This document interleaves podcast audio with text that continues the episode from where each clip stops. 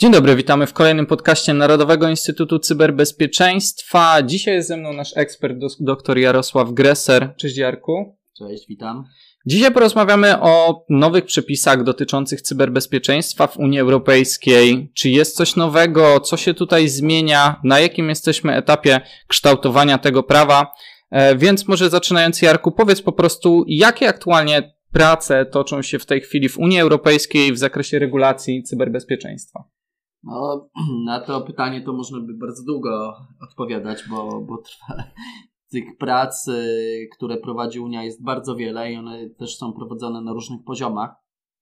Tutaj to, co jest ważne, tak żeby to pokazać z metapoziomu, to że kwestia cyberbezpieczeństwa stała się bardzo ważna dla Unii Europejskiej. Ona oczywiście wcześniej również była istotna i ważna i na agendzie, ale w związku z tym, że jest cel polityczny przejścia do, do czy, czy stworzenia Europy gotowej na, na erę cyfrową, to ta, ta kwestia, która dotyczy cyberbezpieczeństwa czy, czy cyberodporności, czyli jakbyśmy tego nie, nie nazywali, uzyskała priorytetowe, priorytetowe miejsce, w, jeżeli chodzi o, te działania Unii Europejskiej. No i tu możemy powiedzieć, że są takie jakby trzy obszary, mhm. które, które Unia reguluje. Pierwsza dotyczy tego, co mają zrobić państwa członkowskie i, i różnych rozwiązań instytucjonalnych wewnątrz tych państw. Tutaj przede wszystkim pracy nad dyrektywą e, NIS-2, która ma zastąpić już istniejącą, e, już istniejącą dyrektywę NIS. E, drugi obszar to jest rozwój takich unijnych kompetencji, czyli, czyli e, po pierwsze e, ENISA i, i, działania, które są z nią związane, czyli Europejska Agencja do Spraw Cyberbezpieczeństwa i to, to, co ona ma robić, plus sama odporność różnych organów unijnych, no bo przecież nie, nie możemy zapominać, że, że i Komisja, i Parlament, i Rada, i, i inne organy, no też mogą być, e, czy nawet bardzo chętnie są celami ataków. I trzeci obszar to jest to, to, co jest najważniejsze dla takiego y, przeciętnego obywatela, ale nawet nie przeciętnego, bo dla nas też. To są kwestie związane z, y, z bezpieczeństwem cyfrowym usług i produktów. Tutaj przede wszystkim, przede wszystkim kwestia produktów. Tutaj jest też y, taka, taka szeroka kompetencja i duży mandat Unii Europejskiej, no bo chodzi o to, że żeby w odpowiedni sposób mm, regulować konkurencję i bezpieczeństwo dla, dla użytkowników końcowych. Hmm? Okej, okay, super. Dużo powiedziałeś, to może ustrukturyzujmy to sobie to, idźmy od początku. Mówiłeś o dyrektywie NIS 1, która obowiązywała jeszcze niedawno, teraz dyrektywa NIS 2. Czym ona jest? Znaczy, dyrektywa, nie żebyśmy tu mieli jasność, dyrektywa NIS cały czas obowiązuje, bo, bo, bo to yy, tutaj ten, yy, to, że ona zostanie zastąpiona, to, to, to jest jedna rzecz, natomiast yy, w tej chwili jeszcze cały czas mamy taki stan prawny, że dyrektywa NIS obowiązuje, natomiast dyrektywa NIS 2 z tego co pamiętam, to ma zostać ogłoszona w tym miesiącu, albo, albo został dosłownie na dniach, e, na dniach e, e, opublikowana. Natomiast przypomnijmy, mamy październik. Mamy październik, chwili. tak. Mhm. Mam październik i jeszcze przypomnijmy, mam październik 2022, bo, tak. bo tutaj może to być też, też istotny, istotny fragment. Natomiast czym była dyrektywa, czy czym jest dyrektywa NIS? No to, to, to jest takie rozwiązanie, które miało wprowadzić we wszystkich krajach Y, Unii Europejskiej wspólny poziom cyberbezpieczeństwa, ale też znieść bariery, które pojawiały się y, na rynku wewnętrznym, czyli że, że, że każdy kraj sobie inaczej regulował, niektóre w ogóle nie regulowały i teraz jeżeli ja chciałem świadczyć usługi y, w różnych krajach, to, to pojawiały mi się różnego rodzaju kłopoty regulacyjne, więc to wpływało na, na jednolity rynek cyfrowy, więc komisja postanowiła wprowadzić taki akt. To jest pierwszy, właściwie taki kompleksowy, bo już w 2016 roku został przyjęty, został, wszedł w życie w 2018. W Polsce jego wdrożenie to jest e, ustawa o Krajowym Systemie Cyberbezpieczeństwa, bo de facto ten, e, ta dyrektywa nic taki właśnie system w każdym kraju miała stworzyć mhm. i łącznie te systemy miały stworzyć europejski system cyberbezpieczeństwa. Natomiast jak większość aktów unijnych ta dyrektywa podlega przeglądowi i po tym przeglądzie, który, który się odbył, e, uznano, że to jest niedostateczne rozwiązanie, bo nie tylko e, nie doprowadziło do zmniejszenia barier na, na poziomie Unii Europejskiej, ale doprowadziło do ich zwiększenia, co jest paradoksalne, ponieważ różne kraje różnie interpretowały tą dyrektywę i tu podam taki przykład. Dyrektywą są objęte, objęci operatorzy kluczowi i dostawcy usług cyfrowych, czy operatorzy kluczowi są tutaj dla nas mhm. ważni, czyli, czyli różnego rodzaju podmioty, które świadczą istotne z perspektywy państwa czy, czy, czy, czy obywatela usługi. I w Polsce takich podmiotów jest kil, kilkaset, ale tak między 300 a 400. Na Słowacji, która jest dużo mniejszym ludnościowo krajem, mhm. tych podmiotów jest około 2000. I tu chodziło po prostu o to, że w Polsce inaczej zinterpretowano, kim jest operator kluczowy, a na Słowacji zinterpretowano to inaczej. I e, z byciem operatorem kluczowym wiążą się różnego rodzaju obowiązki i, i, i też, też e, możliwe do podniesienia kary. No ale e, to pokazuje to, to, to takie że to nie, nie do końca tak działało, jak miało działać. Między innymi to było przyczyną tego, że wprowadzono dyrektywę, czy uchwalono dyrektywę NIS-2, ale też, że dyrektywą NIS-2 objęto dużo więcej sektorów, czyli zauważono, że to co, to, co było w dyrektywie NIS, to jest za mało wobec tych wyzwań, które mamy. Czyli też, też to się oczywiście wiązało z COVID-em i ze zwiększoną aktywnością cyberprzestępców, ale też z wojną, czy, czy w ogóle z większą aktywnością wrogich czy, czy, czy nieprzyjaznych wobec, wobec członków Unii Europejskiej państw. Stąd, stąd to stąd to, to zostało wprowadzone i tutaj jest ważne, ona nie będzie bezpośrednio mhm. obowiązywać, tylko też musi zostać transponowana, czyli przełożona na język polski ustawy. Czyli też pośrednio w, e, ustawa musi być dostosowana, tak jak w większości to jest uchwał. Tak, tak, tak jest z dyrektywą. Rozporządzenie obowiązuje bezpośrednio, dyrektywa zawsze jest mhm. w jakiś sposób wkładana, że tak kolokwialnie ujmę, do systemu prawa. Okej, okay, super. No to ważne też przypomnienie, myślę, że dla, dla, dla wielu osób. E, Okej, okay, w takim razie, a powiedz mi, co. Mamy coś takiego jak sztuczna inteligencja.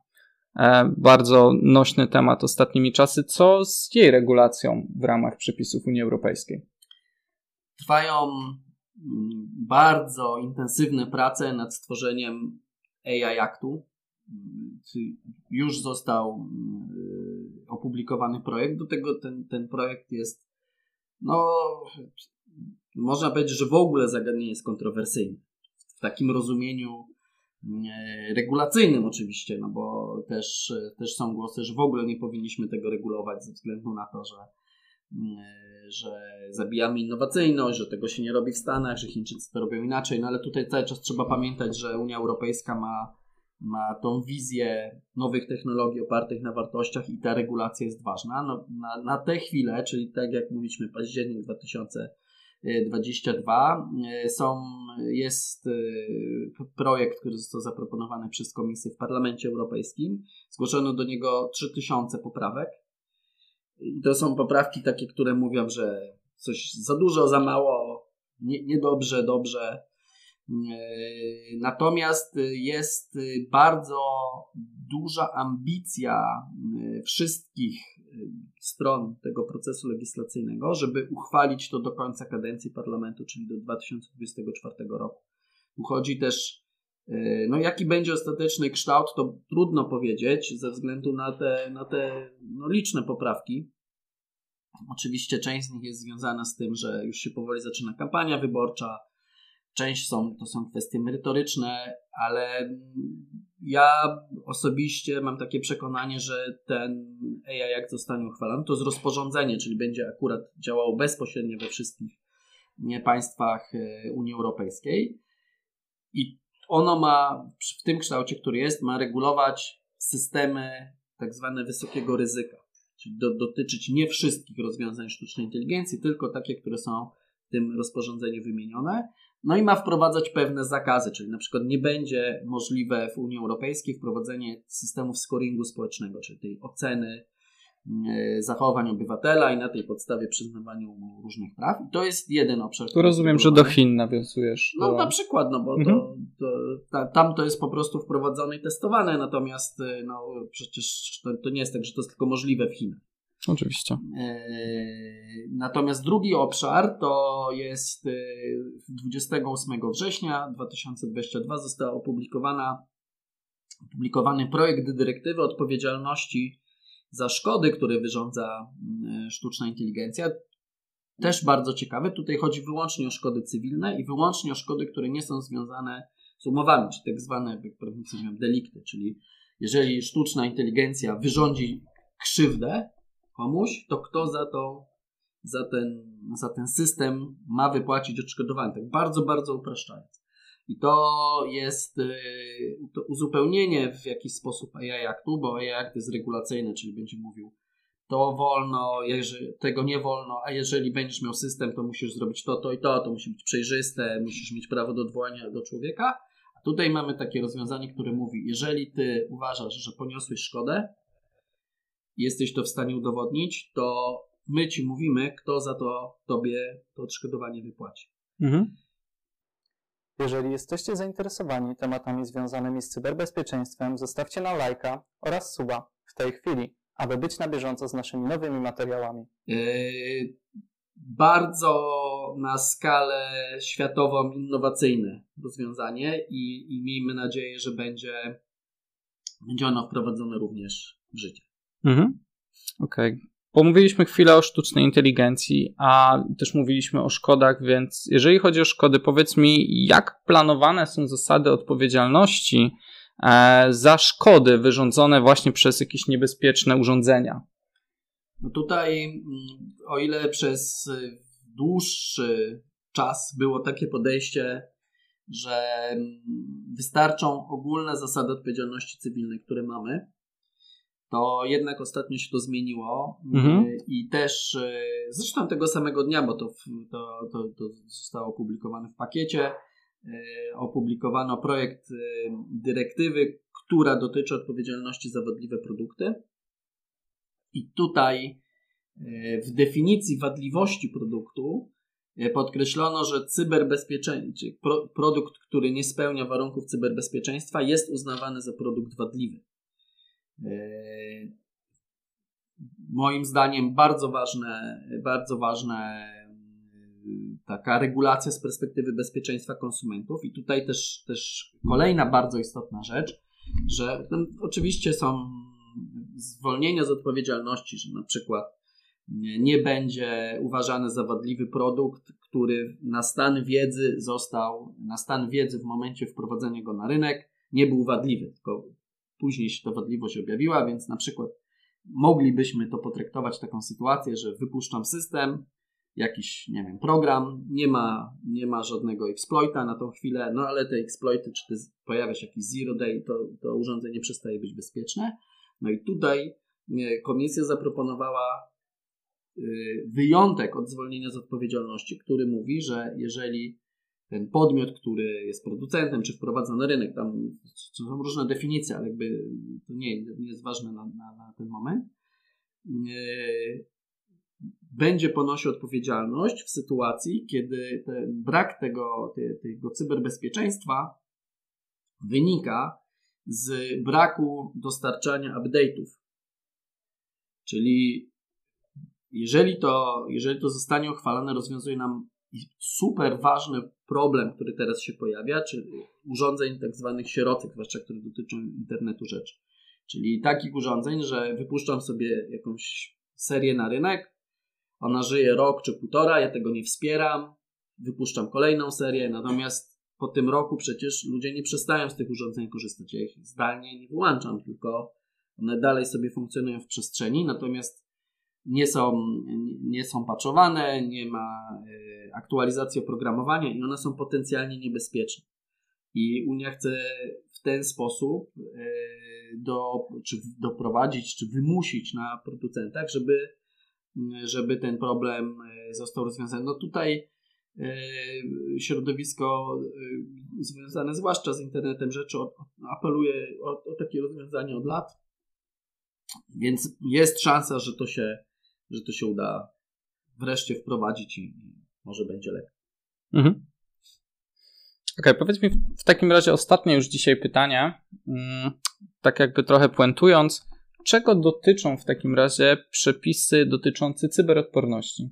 To jest, y, to jest y, takie coś, co ma spinać to, co robi Unia Europejska, mhm. czyli ten, ten Cyber Resilience Act, to też jest świeżo ogłoszony, świeżo ogłoszony projekt i jego zadaniem jest takie domknięcie tego obrazu cyberbezpieczeństwa, czyli E, czyli mówiąc bardzo prosto i tutaj, tutaj taki robię taki disclaimer, że takie zastrzeżenie, że, że tu zwłaszcza dla osób, które są specjalistami, że tu upraszczam bardzo mocno. Chodzi o to, żeby te wszystkie regulacje szczegółowe, które dotyczą jakichś rozwiązań, tak jak na przykład, nie wiem, akt o cyberbezpieczeństwie, gdzie jest, są przepisy, które dotyczą też cyberbezpieczeństwa, tylko sztucznej inteligencji, to w akcie o cyberodporności on ma się odnosić do wszystkiego innego, co nie zostało uregulowane.